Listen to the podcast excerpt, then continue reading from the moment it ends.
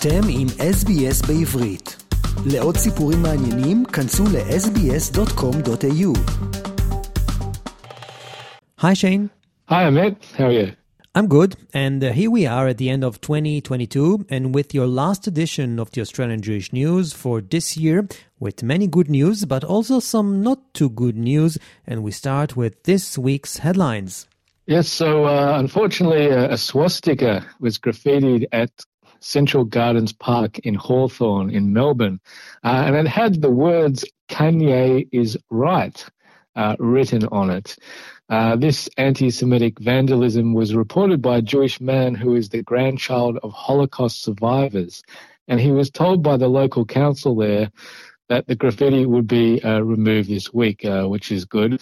But uh, chairman of the Anti-Defamation Commission, Dvir Abramovich, told the Jewish News um, it's not a surprise that this has happened uh, so soon with all the uh, uh, stuff in going around in the media reporting on uh, all the stuff Kanye West has said, uh, all the hate-filled messages he's made against Jewish people. Um, he told the Jewish News, West is a blatant, unvarnished anti-Semite who deserves our condemnation. And he said uh, West's rhetoric is dangerous and will have real world consequences. Uh, and it's uh, starting to creep in on our shores as well. Uh, President of the Jewish Community Council of Victoria, Daniel Aghion, said tragically the recent spate of anti-Semitic remarks by celebrities has emboldened bigots around the world, including here in Melbourne. Uh, but uh, oh, look, one positive uh, about the timing of it is that just a week later, uh, uh, the new legislation in Victoria comes in that will actually officially ban the Nazi swastika being displayed. Um, so from December 29, um, people who uh, display swastikas in public um, for no, you know, good reason, no educational reason or anything like that, um, can face fines uh, up to $22,000. Uh, this is not to happen before. So uh, Aghion said um, it, that's a significant step and uh, hopefully it'll uh, that will start to have an impact and um, hopefully make people think think twice who are who, who, are going to do this kind of thing. And just to remind our listeners, Kanye West is a well-known American singer, and in the beginning of October this year, he went on a spree of public appearances and interviews in which he spouted anti-Semitic comments and conspiracy theories. Now, look, we discussed this in the past, but there is a lot of graffiti and vandalism. The question is, how much of it is actually making it to the media, and why is it so important? Uh, well, certainly in in uh, Jewish media, it's important to report uh, what's happening. I think it's good if people know that it's happening, and uh, some a lot of people would be not sure even that it's happening, uh, but it is, and it's actually come out as uh, vandalism being, I think, in the highest category of reported anti-Semitic incidents in, in the official um, Executive Council of Australia uh, report on anti-Semitism. Um, it's uh, particularly spiked in uh, things like posters and graffiti and swastikas and, and that kind of thing. Uh, and look, I guess it's it's a sign that you know if that happens, anti-Semitism as a whole is is in, increasing in society. So it is a concern, but uh, it is good news that there'll be now some legislation that can uh, make this kind of thing a criminal act. So hopefully that will uh, lead to a reduction, maybe not instantly, but as uh, more people become aware of the new legislation, um, it might take time. Then there'll need to be an education promotional campaign. But um, after that, uh, hopefully, look next year or the year after, hopefully see a decline in that. Right. Well, let's just hope for that. Take us some good news, Shane, and there's plenty. Yes, I've got plenty of good news, but uh, look, there's one more not so good news. Okay. A former Moriah College head of English teacher Cody Reynolds uh, has pleaded guilty to two child exploitation charges when he appeared in court in Sydney earlier this week.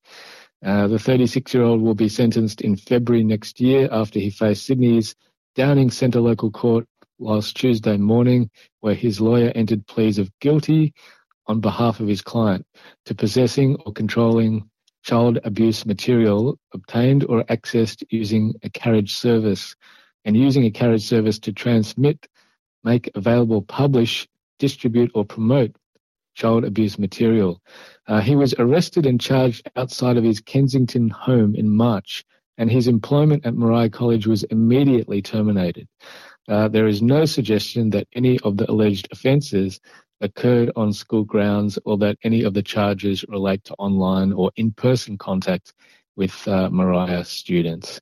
Uh, he began teaching at the school at the beginning of 2021, having previously worked at Christian Brothers High School in Lewisham and Scots College and Waverley College.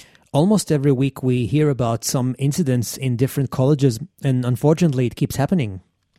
Yes, but on uh, speaking of schools, um, uh, as we know in the last week's program, we we discussed uh, the excellent results for the VCE in Victoria by Jewish students, and this week in the Jewish News we have our HSC coverage uh, for in our Sydney edition, uh, and there was lots of uh, good news there about uh, performances. Um, we had six Jewish students place first in the state in an HSC course, so that's two more than last time, last year. And interestingly, two of those students um, uh, did that in year 11. So they'll be back to school in year 12 next year. They just did uh, the course, one of the subjects early, and they topped it. Um, so that includes uh, uh Yoel Yoffi, who uh, topped economics. Uh, he's a Jewish student at Baulkham Hills High School. And also, just finishing year 11 this year was Rose Bay Secondary College student Tamar Fleiderman, who topped modern Hebrew continuers uh, using uh, an outside tutor. So congratulations to them. Um, we had Zane Simmons from Moriah top biology. Uh, we had uh, Shira Dadon from Kesser Torah College, top classical Hebrew continuers. Uh, we had Moriah student Daphne Kulikovsky, she actually taught Portuguese continuers, uh, and she studied using a New South Wales School of Languages outside Tudor. Uh, she was born in Brazil, and uh, she felt uh, it was very special to study uh, Portuguese uh, at HSC level, and she came first and also Yeshaya Sterling from Moriah Top Classical Hebrew Extension. And he'll be celebrating by spending a whole year uh, living in Israel at a yeshiva. So uh, congratulations to him. Uh, the school rankings briefly, Moriah out of the Jewish schools, uh, Moriah came first in 27th position in the state. Uh, Masada was second on 39th. Emmanuel was third on 44th. And Kesser Torah College, because of its size, it's not included in the official uh, school rankings. Um, but 60% of their students made the HSC Distinguished Achievers list, uh, so that's very good. And in Art Express, which is uh, the prestigious art exhibition featuring the best uh, visual arts students, um, Moriah's Ruby Table and Emmanuel's Maya Sher both got their work selected for the um, Art Express exhibition. So Mazel Tov uh, to everyone and uh, full coverage in the Sydney edition Jewish News this week. Finally, some good news and Mazel Tov on the great achievements. And from now on, only good news, please.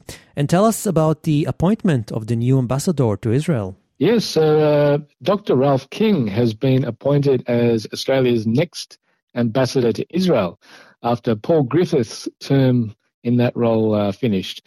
Uh, King is a senior career officer with the Department of Foreign Affairs and Trade and has uh, previously served overseas as head of mission in Riyadh, Cairo, and Kuwait, uh, and as deputy head of the mission in Hanoi. Uh, he said relations between Australia and Israel are close and long standing, and uh, he uh, can't wait to, to start in the role. So, congratulations to Dr. Ralph King. Very briefly, we've had some uh, nice award winners. A Jewish architect Ed Lipman was honoured to receive a, a life fellowship for his services to Australian architecture by the Royal Australian Institute of Architects.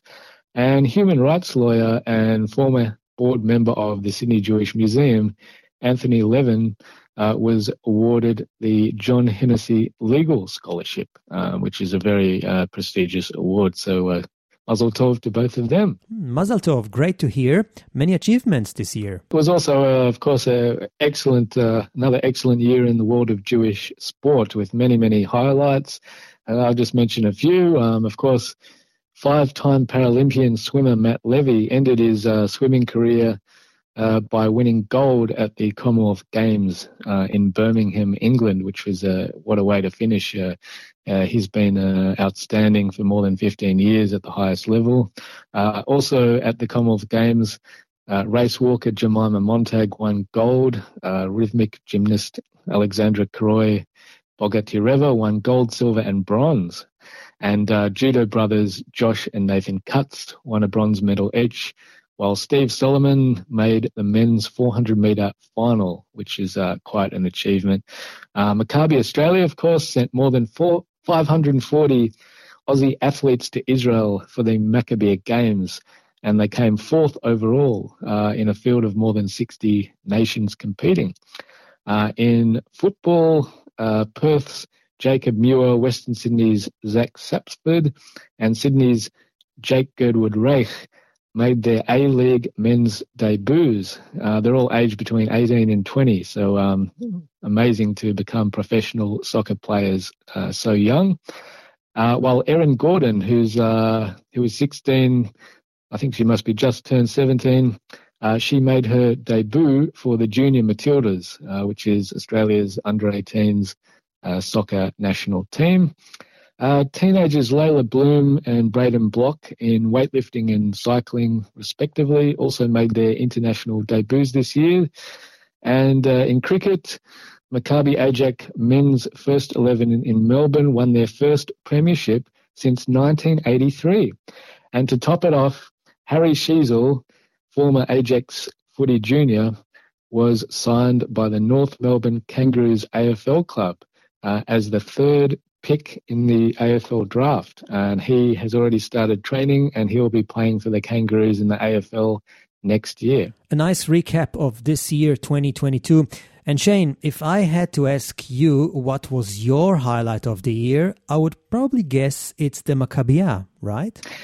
yes, you're right. Um, I was uh, lucky enough. I hadn't been to Maccabiah games before, but I was lucky enough to to go along with the uh, Maccabi Australia team uh, and report on the games and uh, see the uh, you know what it feels like to to walk into the, the stadium in, in Jerusalem, Teddy Stadium, and uh, in front of all those people uh, marching behind the Australian flag, and just seeing uh, all the athletes and the team spirit there um, was uh, something very special. Um, so, uh, yeah, that would have to be uh, a definite highlight for me this year. Shane Desiatnik, last report for 2022, wishing you and the AJN all the best. Happy Hanukkah, and the Jewish News will go on a two weeks end of the year break, so speak to you in two weeks' time.